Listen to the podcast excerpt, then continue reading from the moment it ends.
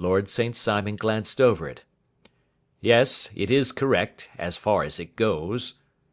"But it needs a great deal of supplementing before anyone could offer an opinion.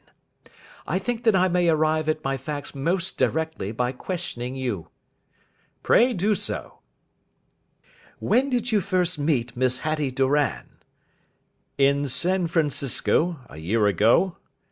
"You were travelling in the States?" "Yes." "Did you become engaged then?" "No." "But you were on a friendly footing?" "I was amused by her society, and she could see that I was amused." "Her father is very rich?" "He is said to be the richest man on the Pacific slope." "And how did he make his money?" "In mining. He had nothing a few years ago.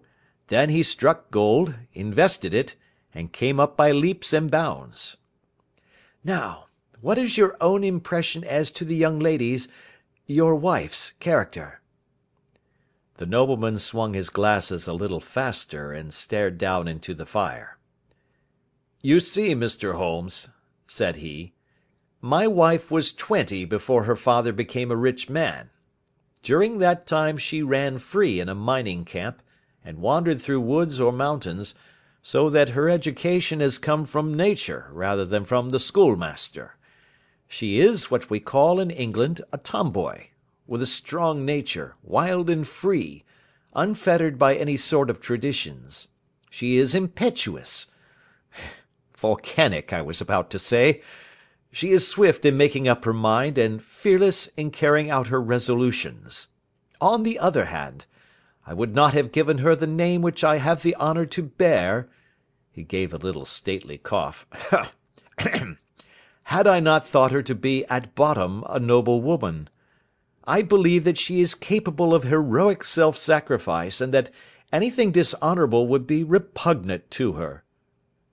"Have you her photograph?" "I brought this with me." He opened a locket, and showed us the full face of a very lovely woman. It was not a photograph, but an ivory miniature, and the artist had brought out the full effect of the lustrous black hair, the large dark eyes, and the exquisite mouth. Holmes gazed long and earnestly at it. Then he closed the locket and handed it back to Lord St. Simon. The young lady came to London, then, and you renewed your acquaintance?" "Yes, her father brought her over for this last London season. I met her several times, became engaged to her, and have now married her." "She brought, I understand, a considerable dowry?" "A fair dowry. Not more than is usual in my family." "And this, of course, remains to you, since the marriage is a fait accompli?" "I really have made no inquiries on the subject." "Very naturally not. Did you see Miss Doran on the day before the wedding?" "Yes." "Was she in good spirits?" "Never better. She kept talking of what we should do in our future lives." "Indeed! That is very interesting. And on the morning of the wedding?" "She was as bright as possible. At least, until after the ceremony." "And did you observe any change in her then?" "Well, to tell the truth, I saw then the first signs that I had ever seen, that her temper was just a little sharp. The incident, however, was too trivial to relate, and can have no possible bearing upon the case." "Pray let us have it, for all that." "Oh, it is childish. She dropped her bouquet as we went towards the vestry. She was passing the front pew at the time, and it fell over into the pew. There was a moment's delay, but the gentleman in the pew handed it up to her again, and it did not appear to be the worse for the fall. Yet when I spoke to her of the matter, she answered me abruptly, and in the carriage, on our way home, she seemed absurdly agitated over this trifling cause." "Indeed! You say that there was a gentleman in the pew. Some of the general public were present, then?" "Oh, yes. It is impossible to exclude them when the church is open." "This gentleman was not one of your wife's friends?" "No, no. I call him a gentleman by courtesy, but he was quite a common looking person. I hardly noticed his appearance. But really I think that we are wandering rather far from the point." "Lady St. Simon, then, returned from the wedding in a less cheerful frame of mind than she had gone to it. What did she do on re entering her father's house?" "I saw her in conversation with her maid." "And who is her maid?" "Alice is her name. She is an American, and came from California with her." "A confidential servant?" "A little too much so. It seemed to me that her mistress allowed her to take great liberties. Still, of course, in America they look upon these things in a different way." "How long did she speak to this Alice?" "Oh, a few minutes. I had something else to think of." "You did not overhear what they said?" "Lady St. Simon said something about jumping a claim. She was accustomed to use slang of the kind. I have no idea what she meant." "American slang is very expressive sometimes. And what did your wife do when she finished speaking to her maid?" "She walked into the breakfast room." "On your arm?" "No, alone. She was very independent in little matters like that. Then, after we had sat down for ten minutes or so, she rose hurriedly muttered some words of apology, and left the room. She never came back."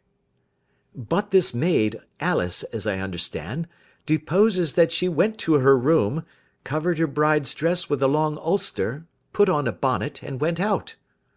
"Quite so.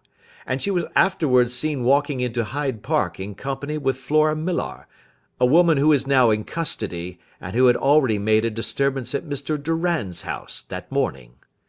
"Ah, yes. I should like a few particulars as to this young lady, and your relations to her."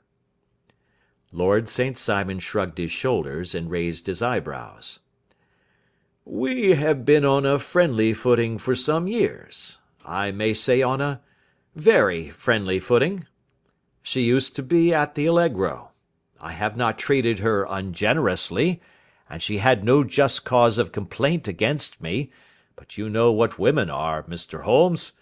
Flora was a dear little thing, but exceedingly hot headed, and devotedly attached to me. She wrote me dreadful letters when she heard that I was about to be married, and, to tell the truth, the reason why I had the marriage celebrated so quietly was that I feared lest there might be a scandal in the church.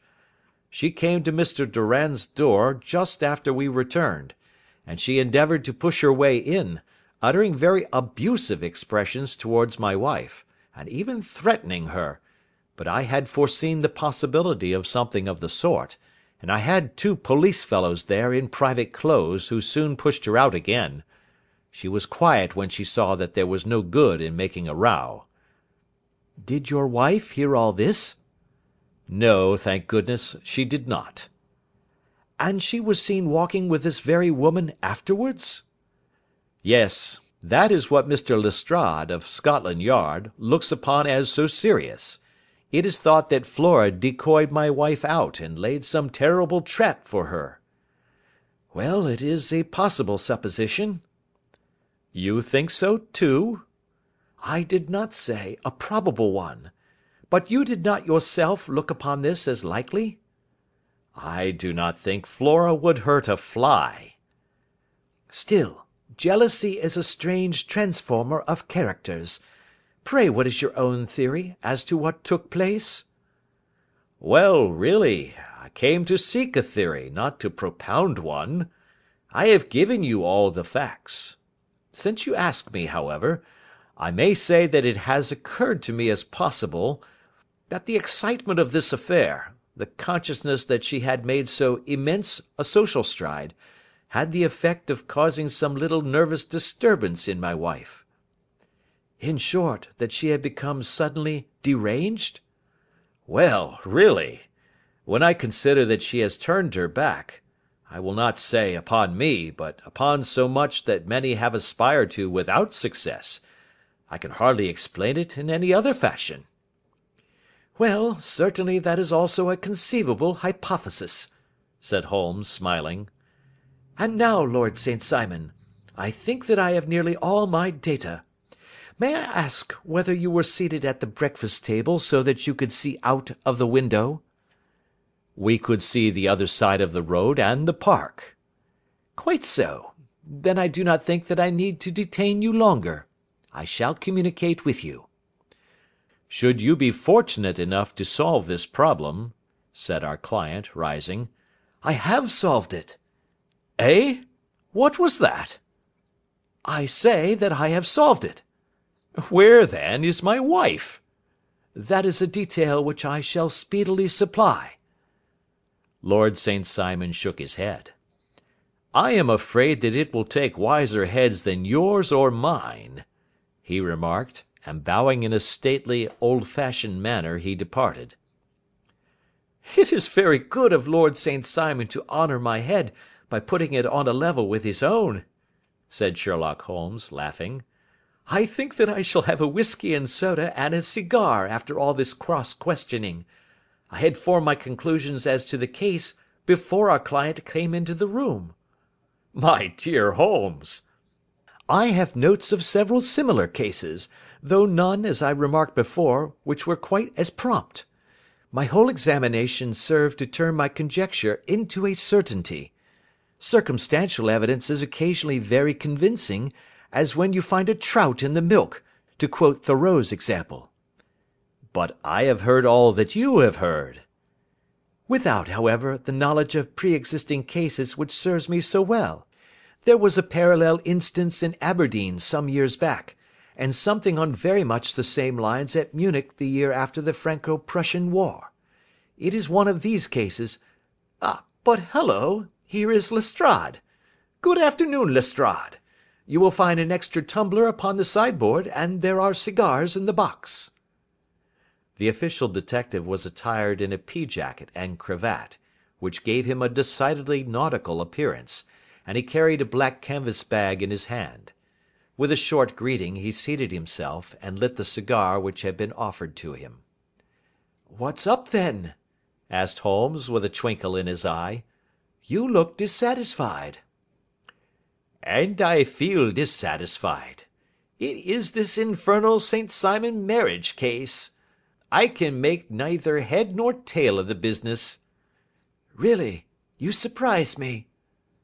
"Who ever heard of such a mixed affair? Every clue seems to slip through my fingers. I have been at work upon it all day." "And very wet it seems to have made you," said Holmes, laying his hand upon the arm of the pea jacket. "Yes, I have been dragging the Serpentine." "In Heaven's name, what for?" "In search of the body of Lady St. Simon." Sherlock Holmes leaned back in his chair and laughed heartily. "Have you dragged the basin of Trafalgar Square fountain?" he asked. "Why?